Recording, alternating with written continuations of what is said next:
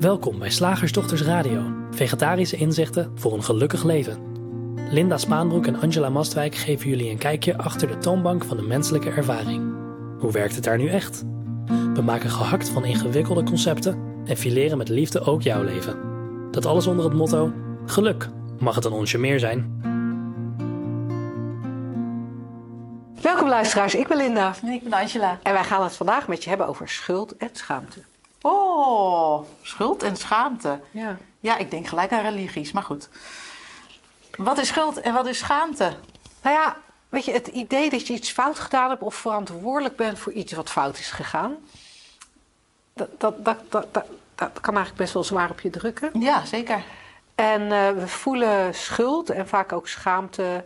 eh, En dat laatste dan als we onze vermeende schuld niet in de openbaarheid willen brengen. Ja. Van nou, ik voel me schuldig, maar niemand mag het, mag het weten, dus dan ga je zitten schamen. Of zo, Ja. denk ik. Ja, ik, ik raak een beetje afgeleid, want we hebben er een raar zinnetje van gemaakt Oké. ter voorbereiding.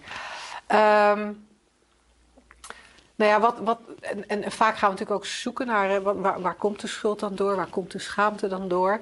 Maar wat die achtergrond ook is, en wat de oorzaak ook zou kunnen zijn, beide gevoelens zijn over het algemeen niet prettig. Dat, Nee. dat, dat ervaren we als prettig, we willen dat liever niet.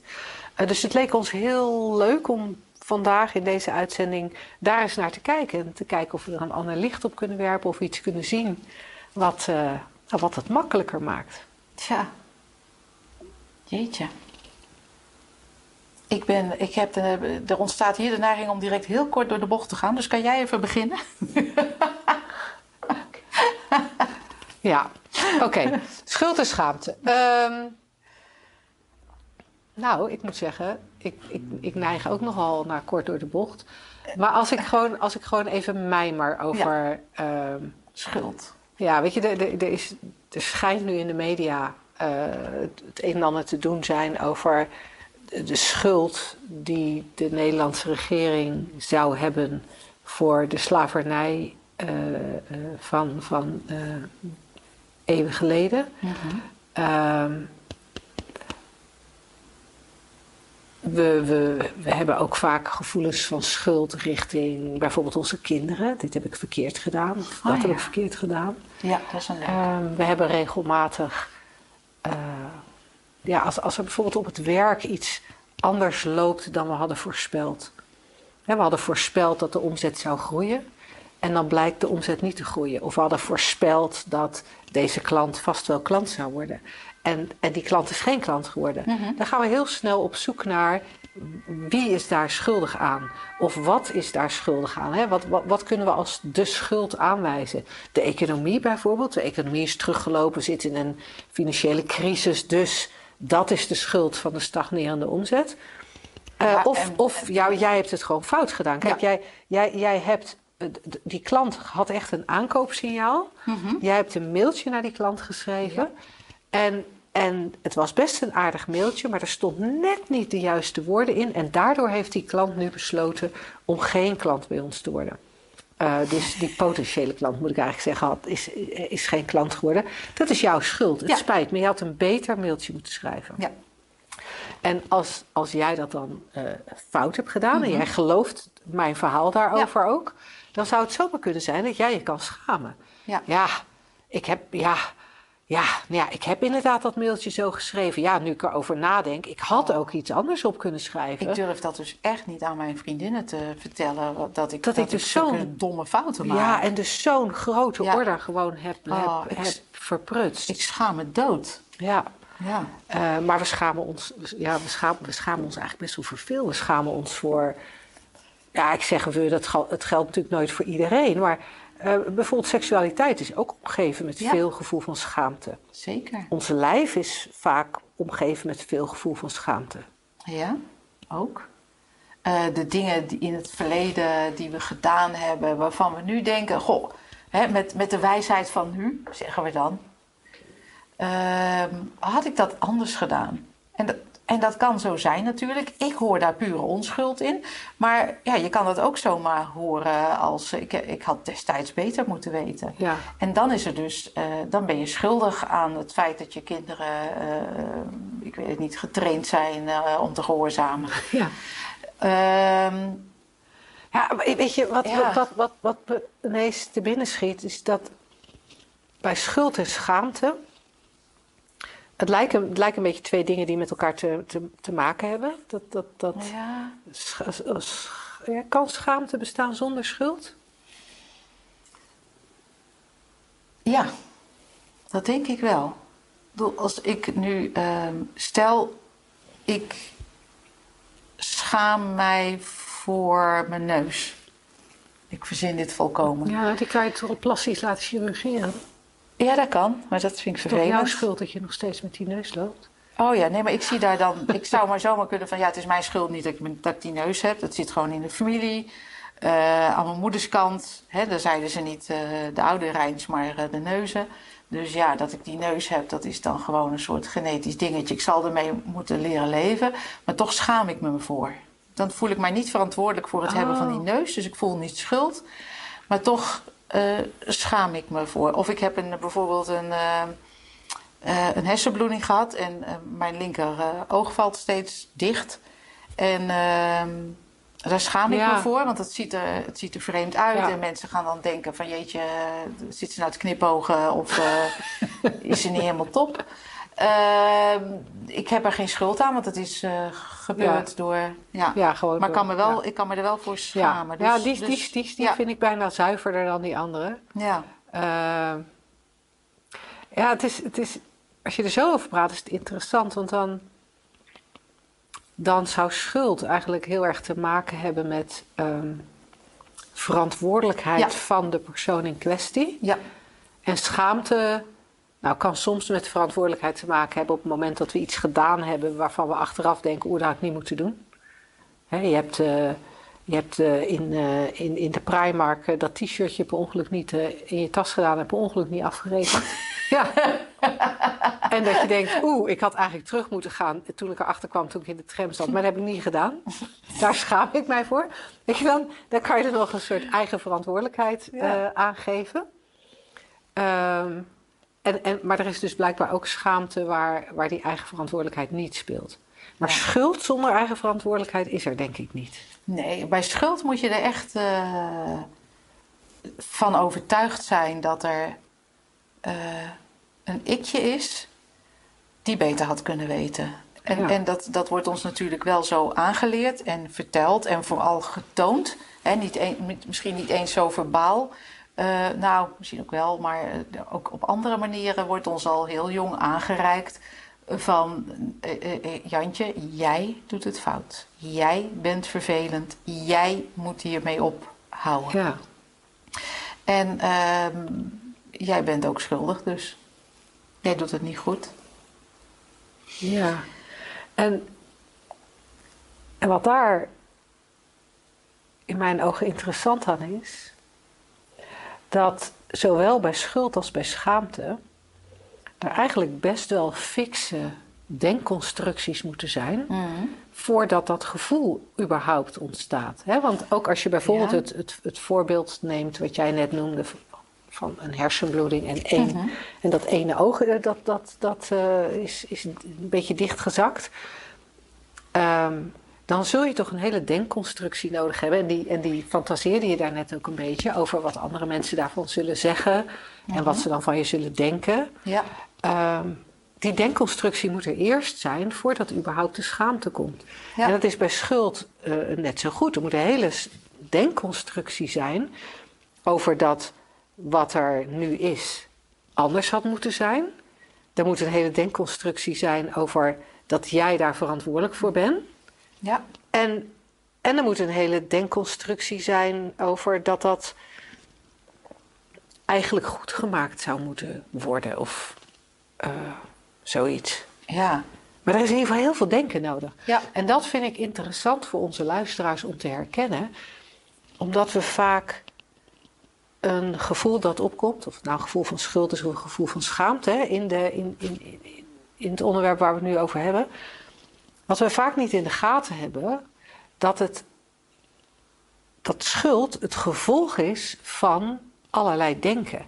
Van allerlei gedachten die we geloven, allerlei gedachten die we klakkeloos voor waar aannemen.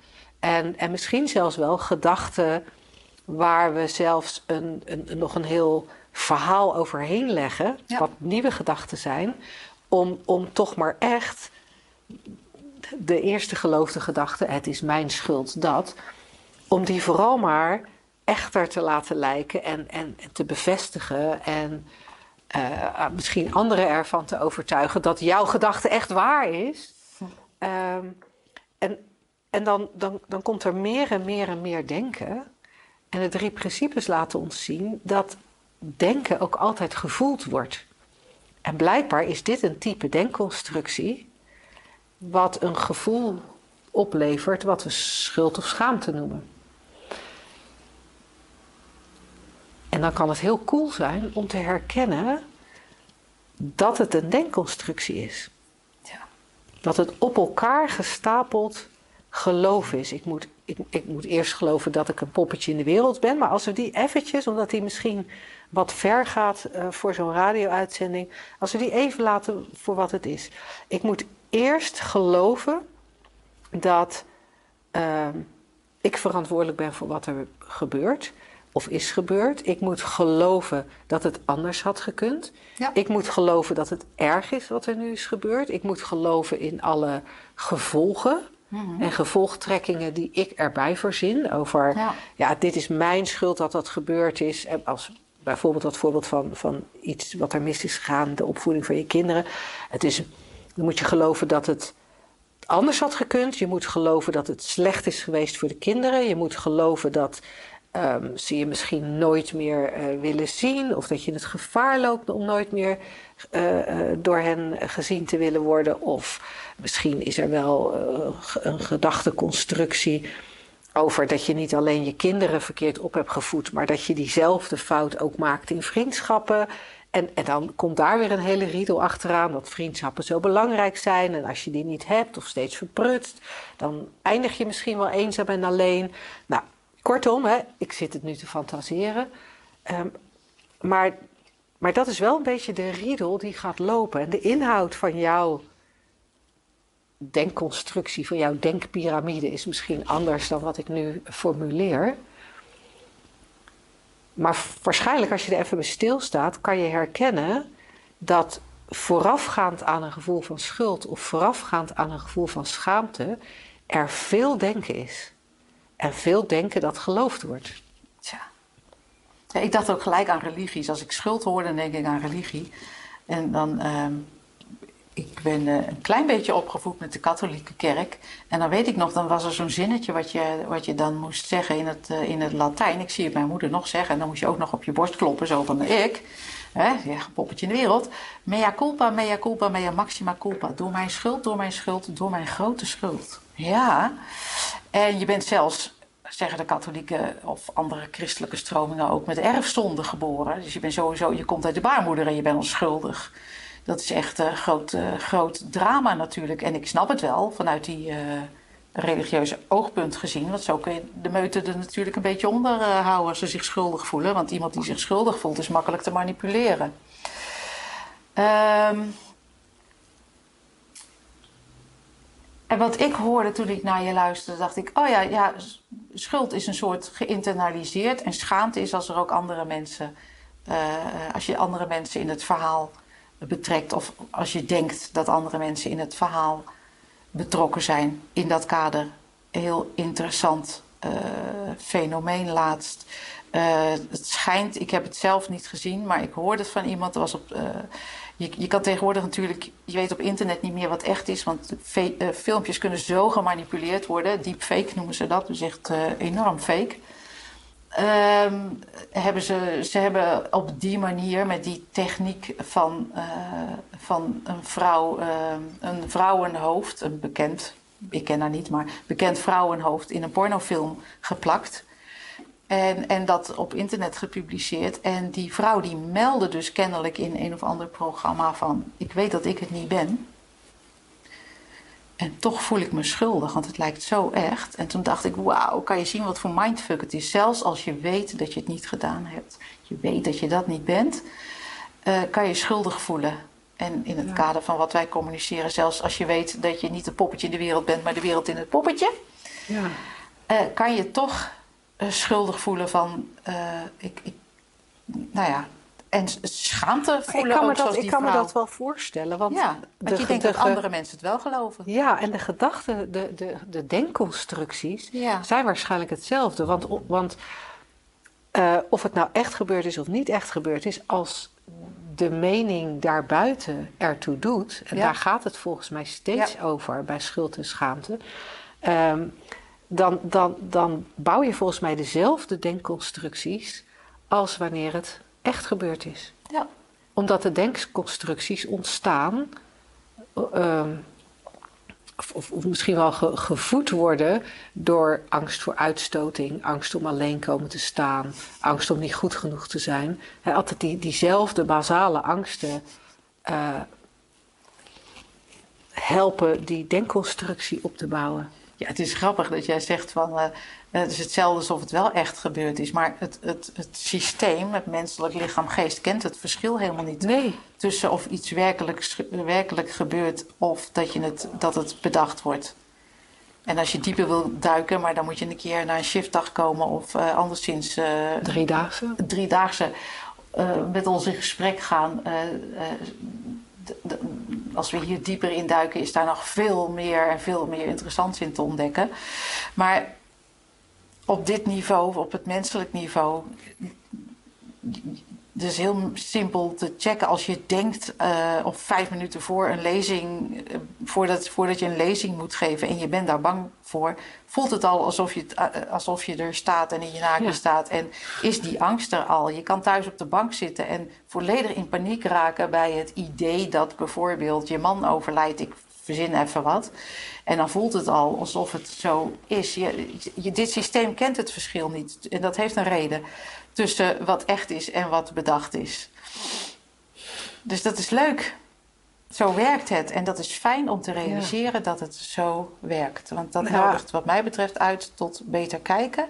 Ja, En in, op, ja, in alle gemak, ja, wat ons betreft, de werking van die drie principes te ontdekken. het is voor mij ook een hint naar is wat echt lijkt wel echt. Ja, dat bedoel ik. Ja, dat weet ik, maar ik wil het even benadrukken. Want ik vond Ja. dat je het een beetje onduidelijk zei. Ik wil je Oh. daar niet de schuld van Ja, geven. nee, voel ik ook maar ik niet. dacht, het is toch net even Ja, minder duidelijk. Nou, heel fijn. Ehm, tot zover schuld en schaamte.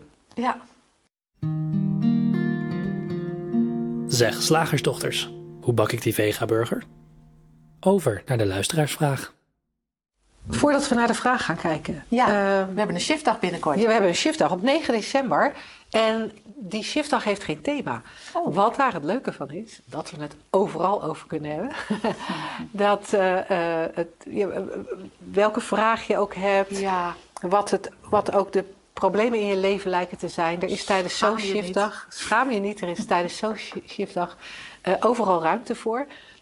En, en, en, en dus ook voor, voor dieper kijken. Als je het gevoel hebt van ja, er is eigenlijk niet echt een probleem, ik ben gewoon wel benieuwd of er nog meer te zien is dan ik zo in mijn eentje kan, eh, kan herkennen. Eh, wij merken dat inderdaad het gesprek met elkaar eh, bij ons hier in, in ons gezellige huiskamertje, dat dat ervoor voor zorgt dat, dat je meer gaat zien. Dat er Ja. dingen helder worden die je, eh, die je soms in je eentje gewoon eh, niet helder krijgt. Dus je bent super welkom om, eh, om je in te schrijven op onze website. Onder ons aanbod vind je alle shiftdagen. Dan de vraag. Ik weet niet meer waar die vandaan komt. Hij is wel door iemand gesteld, maar ik heb niet genoteerd wie. Dus sorry daarvoor, vraagsteller. Maar de vraag was: welke rol speelt evolutie? oh, leuk. Ja, en ik, ik, ben, ik ben dan ook benieuwd in het kader waarvan die vraag werd gesteld, maar dat weten wij dus niet. Dus we moeten, dan, we moeten het hiermee, eh, hiermee doen. Ehm, dat is leuk, want er is natuurlijk ontzettend veel eh, onderzoek gedaan en nog steeds eh, naar dat onderwerp van evolutie. We kennen allemaal de theorie van Darwin. Er worden opgravingen gedaan op botten en er wordt via koolstofmeting of zo gekeken hoe oud ze zijn. En aan de hand van, van allerlei vormen uh, van gebit en van uh, hoofd wordt er dan vastgesteld, oh, uh, dat werd er gegeten. en en ehm, ja, daar bij de hele vroege mens, die had dan nog geen frontale cortex. Hè, vandaar dat die achterhoofd dan, of dat voorhoofd anders liep dan, dan bij Linda en mij. voor de leden van de koffiecorner kunnen dat nu eventjes goed bekijken. Um, dus dan zou je kunnen stellen, en ook door grondlagen te onderzoeken, uh, dat er altijd verandering heeft plaatsgevonden. En bij de mens in het bijzonder dat er progressie in zit. Hè. Dan zeggen we ook evolutie, de sterkste, de sterkste blijft over, geloof ik. Hè. De natuur kijkt gewoon van... Ja, survival of the fittest. Survival of the fittest. Wat, wat is nou het handigst om te overleven? Nou, op enig moment heeft de, de mens dus ook zo'n frontale cortex... oftewel de hersenen in je voorhoofd uh, ontwikkeld. Nou, of dat nou zo handig is om te overleven... dat begin ik nu aan te twijfelen. Want dat heeft er ook voor gezorgd dat we ons zorgen kunnen maken. En dat, dat we, stress hebben. Dat we stress hebben. Burn-out. Burn-out, dat we, dat we overal ons voor schamen en schuldig over voelen. Terwijl onze voorouders waarschijnlijk gewoon, ja, dan was het uh, simpelweg meer dierlijk, zou je kunnen zeggen. Althans, dat is het verhaal. En nu kom ik bij het punt van mijn verhaal.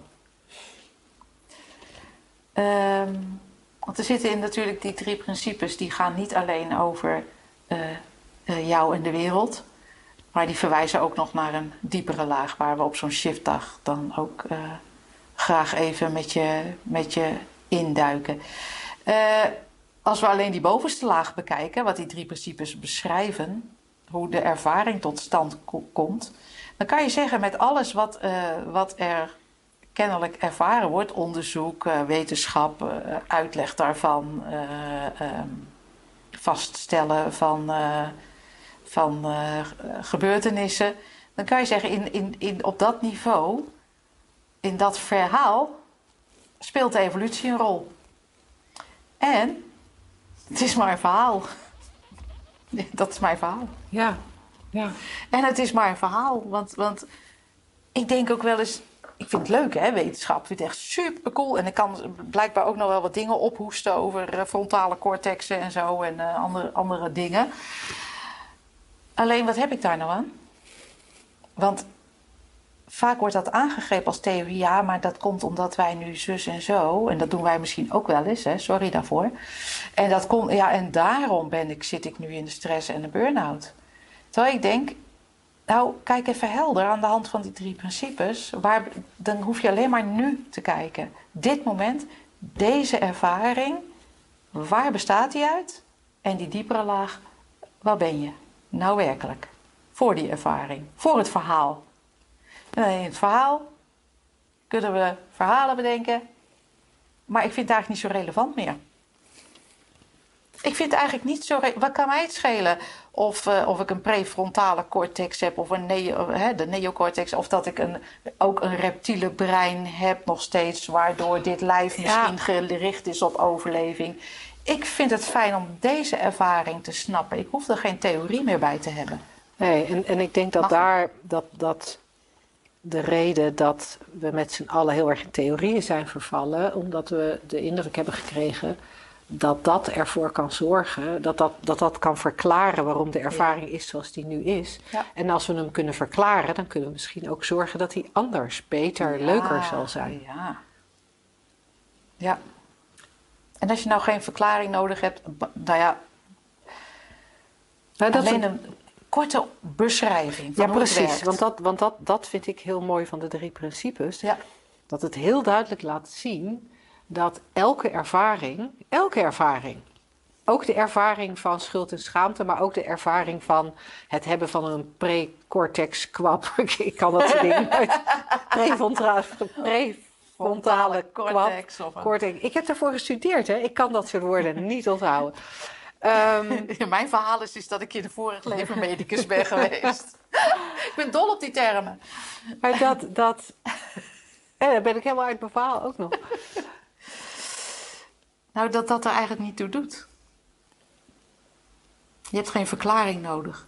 Nee, omdat, omdat elke ervaring is altijd dat denken in bewustzijn. Ja. Je leeft en je beleeft het denken. En, en dat denken kan gaan over het verleden. Het denken kan gaan over cortexen, al dan niet prefrontaal. Of frontaal. dat, dat, dat, dat, uh, ja, waarom maak ik er prefrontaal van? Anyway, het, het, het, het kan gaan over evolutie, het kan, gaan, het kan overal over gaan, maar het blijft denken waar Ja. we tegenaan kijken. Altijd, altijd, altijd, altijd. En weet je wat ik ook zo vet vind? Volgens mij is tijd ook een illusie van Nou, het denken. ik zat er precies, Dus- ik zat er net aan te Dus denken. als er evolutie is, dan is hij nu. En, en het, de rest is een verhaal. Dus, Ja. dus want tijd, vindt, als er een Big Bang is geweest, dan is hij nu. Als de wereld vergaat, dan is het nu. Als je er bent, dan is het nu. Ja, en, ja en ik, want jij zegt dit nu en ik moest denken aan een uitspraak van Sid Banks, eh, die jij vast beter kan eh, citeren dan ik, dat, dat elke menselijke ervaring een illusie is. Een illusion suspended between time, space and matter. Ja. The whole Dus een- world. Het is een, een, een, een illusie in, in, in, in tijd, ruimte en eh, materie. En volgens mij heeft eh, Einstein ook wel eens iets in die richting gezegd, hè, dat, dat tijd een illusie is. Ja. En, en als je die kant op kijkt, dan. Ja, we weten het niet, maar dan komt, dan komt evolutie voor mij in een heel ander daglicht te staan. Ja. En ik vind dat super cool om over te mijmeren. En dus dus als, je, als je zegt, als de vraag is welke rol speelt de evolutie, moeten wij eigenlijk zeggen, geen idee. We hebben er nu denk ik al tien minuten over gepraat. Het, het, be- het beste antwoord was geweest, geen idee. Maar het is toch cool om te mijmeren dat, hé, hey, tijd is ook iets wat op diezelfde manier door Ja. Mind, consciousness en thought wordt gecreëerd. De illusie van tijd. En, en wat ik ook super. Ja, we kunnen er hier dus heel veel over zeggen, ook al weten we niks. Eh, wat ik ook super cool vind, is dat. Nogmaals, ik vind dat ook leuk, hè? wetenschap of vond het leuk. En dan kan je hele coole dingen ontdekken. En over het brein, man, er is nog zoveel te ontdekken en zoveel gave toestanden. Ehm, maar dat heb je allemaal niet nodig om je te realiseren hoe deze ervaring werkt. Want dat is heel simpel, drie principes. En wie je in wezen bent, dat heb je gewoon helemaal niet nodig. Niet als excuus voor waarom je bent zoals je bent. Niet als eh, eh, verhaal, eh, een omweg eigenlijk, eh, om oké te, te, worden. Of te zijn met wat er nu is. Je hebt het gewoon niet nodig. Dit is het. Mooi zat. Woensdag, gehaktdag. Zeg slagersdochters, welk concept gaat er vandaag door de molen? Het concept van vandaag, ik vind hem heel leuk, is het hebben van een voorgevoel. De meeste mensen hebben een nagevoel. Dat zal ik dus ook te denken. De meesten hebben een nagevoel. Er is iets gebeurd en daar gaan we dan heel veel over navoelen. We gaan er heel veel over nadenken. En ja, dat denken, dat levert, hebben we vandaag al vaker gezegd, dat levert gevoel op. Ja, Dus dan zitten wij te navoelen. ja. Ja, dat eten van gisteravond, wat voel jij daar nou van? Ja, nou, ja, ik heb daar toch een beetje rare nasma- nagevoel van. En dat zeggen we zo niet, hè? maar dan gaan we erover na zitten denken. Ja, Over dat eten van gisteren. Dan komt er een, komt er een heel verhaal. En dat verhaal voelen we. Of het nou een Ja. positief verhaal is, dan voelen we positieve gevoelens. Is het een negatief verhaal, dan voelen we negatieve gevoelens. Maar dan zijn we echt aan navoelen, hè? want dat Navoelen. eten, dat is er al niet meer. nee, is lang doorgeslikt. Misschien ligt het al in de pot. En een voorgevoel is in dat kader natuurlijk ook interessant. En wat ik, wat ik aan voorgevoel ook zo leuk vind, want dan ga je dus nu alvast iets voelen wat er, wat er nog niet is. Maar wat ik daar zo leuk bij vind, is dat we daar vaak ook nog een soort betekenis of een soort waarde aan hechten. Of een beetje een soort speciaal maken. Ja, Heel ja. speciaal. Ja, ik heb dus heel, eh, heel Ik- vaak ja. eh, voor goede voor, voorgevoelens. Ja, ja dan, dan voel ik het al en dan gebeurt Ja, het ik ook. voel het al dan, aankomen. Ja, dan hoor. wordt het gezegd en dan... Nou weet je, als je spreekt over een voorgevoel, ben je al aan het denken. Dan zou je niet weten dat je gevoel hebt. Want hoe, hoe weet je dan dat het een voorgevoel is en niet een gevoel, een gewoon gevoel? Dan ben je toch alweer bezig met, eh, oh, maar dit heeft natuurlijk te maken met, eh, ja, nee, dat staat te gebeuren. Weet je, de- het kan zijn dat je dingen weet, maar dat is voor mij pure eh, helderheid. Pure helderheid. Weten zonder je. Zonder je Ja, maar dat is, ja. Dat, dat is dan toch ook interessant. Want als je iets weet, wat nu nog niet plaatsvindt, Weet. wat, wat er nog niet is. Ja, maar misschien dat is het er al wel. Nou, dat, en dat is natuurlijk het leuke. Dat is natuurlijk het leuke met waar we het net over hadden. Tijd Ja. bestaat niet. Als tijd niet bestaat, zou het ook zo kunnen zijn dat alles, die ene grote Big Bang is, dat alles nu is. En als dat zo zou zijn, maar het is een mijmering, hè? Je hoeft het Ja. niet van ons aan te nemen. Zeker niet. Ehm, als alles nu is, ja, dan, dan, dan kan er gezien of geweten worden. Wat, wat zodra het suspended is between time, space en matter, wat dan pas morgen of volgend jaar lijkt te gebeuren. Maar als tijd niet bestaat, dan is het logisch dat we het nu Ja. kunnen voelen, want dan is het nu er ook al. Ja.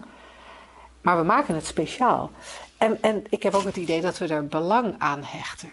Van, eh, van nee, ik heb, het, eh, heb het gevoel, of ik meen te weten, dat, eh, nou ja, noem eens wat. Dat er de, de shiftdag op 9 december, eh, ik, ik heb echt een voorgevoel dat er 14 mensen gaan komen. Ja. En als het dan klopt, dan zeggen we: Oh, zie je wel? Ik had al zo'n voorgevoel. Maar als het niet klopt, dan vergeten we het meestal. Ja, of we zeggen van ja, ik, ik- ja, ja, het was dus verkeerd gevoeld. Het was, eh, Ja. ik wilde het maar zeker dat, te dat kwam- graag. het, het zijn er dertien, maar die ene die, die aarzelde zo en die had ik opgepikt als een ja. Maar het werd net. Ja, we kunnen echt. Brein is zo creatief, die kan overal wat van, eh, van maken. En we kunnen er ook, ook dingen aan vastmaken van ja, maar ik, ik, ik heb zo'n gevoel dat er veertien worden en het zijn, maar, zijn er nu maar acht. Ja, dan, dan moet er een andere creatieve manier gevonden worden om toch nog zes mensen op die shiftdag te krijgen. Want, Dat kan ook. want ik heb echt gevoeld dat het er veertien moeten zijn. Wat ik ook een aspect eraan vind van als we het speciaal maken of wensen daar gevoeliger voor te worden, dan missen we ook dat alles alleen nu ervaren Ja. wordt. Dat, dat je niet van tevoren dingen, dat het totaal niet uitmaakt of je iets van tevoren wel of niet weet, omdat er in de, dit, dit een natuurfenomeen is. Wat in het moment een respons heeft Maar op de is- dingen. ja. Of een impuls eh, dat het wordt bewogen. Dat maakt, hele, dat maakt dat soort van, oh is dat wel waar, is dat niet waar? Is dit een voorgevoel of niet? Of, die, al Het die, is, toch al weer, die, het is eh, toch weer houvast, hè? Ja. Houvast en Ja. veiligheid zoeken. Want als ik nou dat voorgevoel heb dat, eh, dat, ik, dat ik echt. Ja, het, het is echt. het- het- ik heb echt het gevoel dat ik naar Zuid-Spanje moet. Ja, En, en dat verhaal kan dan een soort houvast geven, al is het maar voor, voor, de, voor, de, voor de vakantie waar we, heen, waar we heen moeten. Dan hoef je daar niet meer over te twijfelen. Ik denk dat we het ook vaak bij. Voor mij ziet het eruit alsof we dat ook vaak bij. eh, eh, bijvoorbeeld in de opvoeding doen. Ah, maar ik, ik, ik weet dat het met dit kind goed komt. Dan hebben we, dan hebben we een ja. Kan natuurlijk helderheid zijn, dat je Kan weet, ook. dat je, het gewoon weet dat het, gewoon- goed is. Dat het gegeven is, maar dat, dat, dat- dan is er ook helemaal geen ding. Dan maak je daar ook geen ding van. Kijk, als je van een voorgevoel een ding maakt, dat is dan vaak van ja, maar ik wist dat die, dat vliegtuig neer ging storten, dus ik heb die eh, dingen niet, ge- die, die, eh, geen ticket gekocht of mijn ticket uitgesteld. Of ik wist dat eh, ik dit steegje niet in moest. Hè, dat, wel ja. Ja. Als je Ja, er een ik- ding van maakt, is ja. het vaak zo'n zo, zo'n heel verhaal wat jou speciaal maakt. En voor mij is niemand specialer dan een ander. We, hebben, we zijn in essentie die pure intelligentie die het leven zelf is. Dus iedereen kan alles. Nou ja, misschien niet fysiek, hè? want daar zijn we dan weer uniek. Maar nou en? Ja. Ja, en ik weet niet of we het al gezegd hebben, maar is een voorgevoel hebben niet gewoon een gedachte hebben? Ja? Die, Twee kanten van dezelfde medaille, Ja. denk ik. Want anders zou je niet weten waar het voorgevoel over was. nee. En als we natuurlijk constateren dat, of eerder constateerden dat denken, ja, eigenlijk altijd neutraal is. Waar zitten we dan met een voorgevoel naar te kijken? Ja, in ieder geval naar vorm. Geef verder niet. Ik bedoel, we eten ook wel eens wat en zo. ja, we doen wel eens wat in de vorm. Oh. Ja. Dus mocht je veel voorgevoelens hebben, hou ze gerust. Mocht je veel nagevoelens hebben, dat kan ook. we zijn voelende, denkende wezens, mensjes. En eh, daar is niks bijzonders aan. En daar, eh, daar kan je het mee doen voor deze uitzending. We zien, nee, we zien. Ja, We voor de community wel. Eh, je hoort ons volgende week weer, denk ik. Tot dan! Doeg. Weet je wat ook lekker is? Ons gratis e-book Geluk in de Liefde. Download hem via www.slagersdochters.nl/gratis.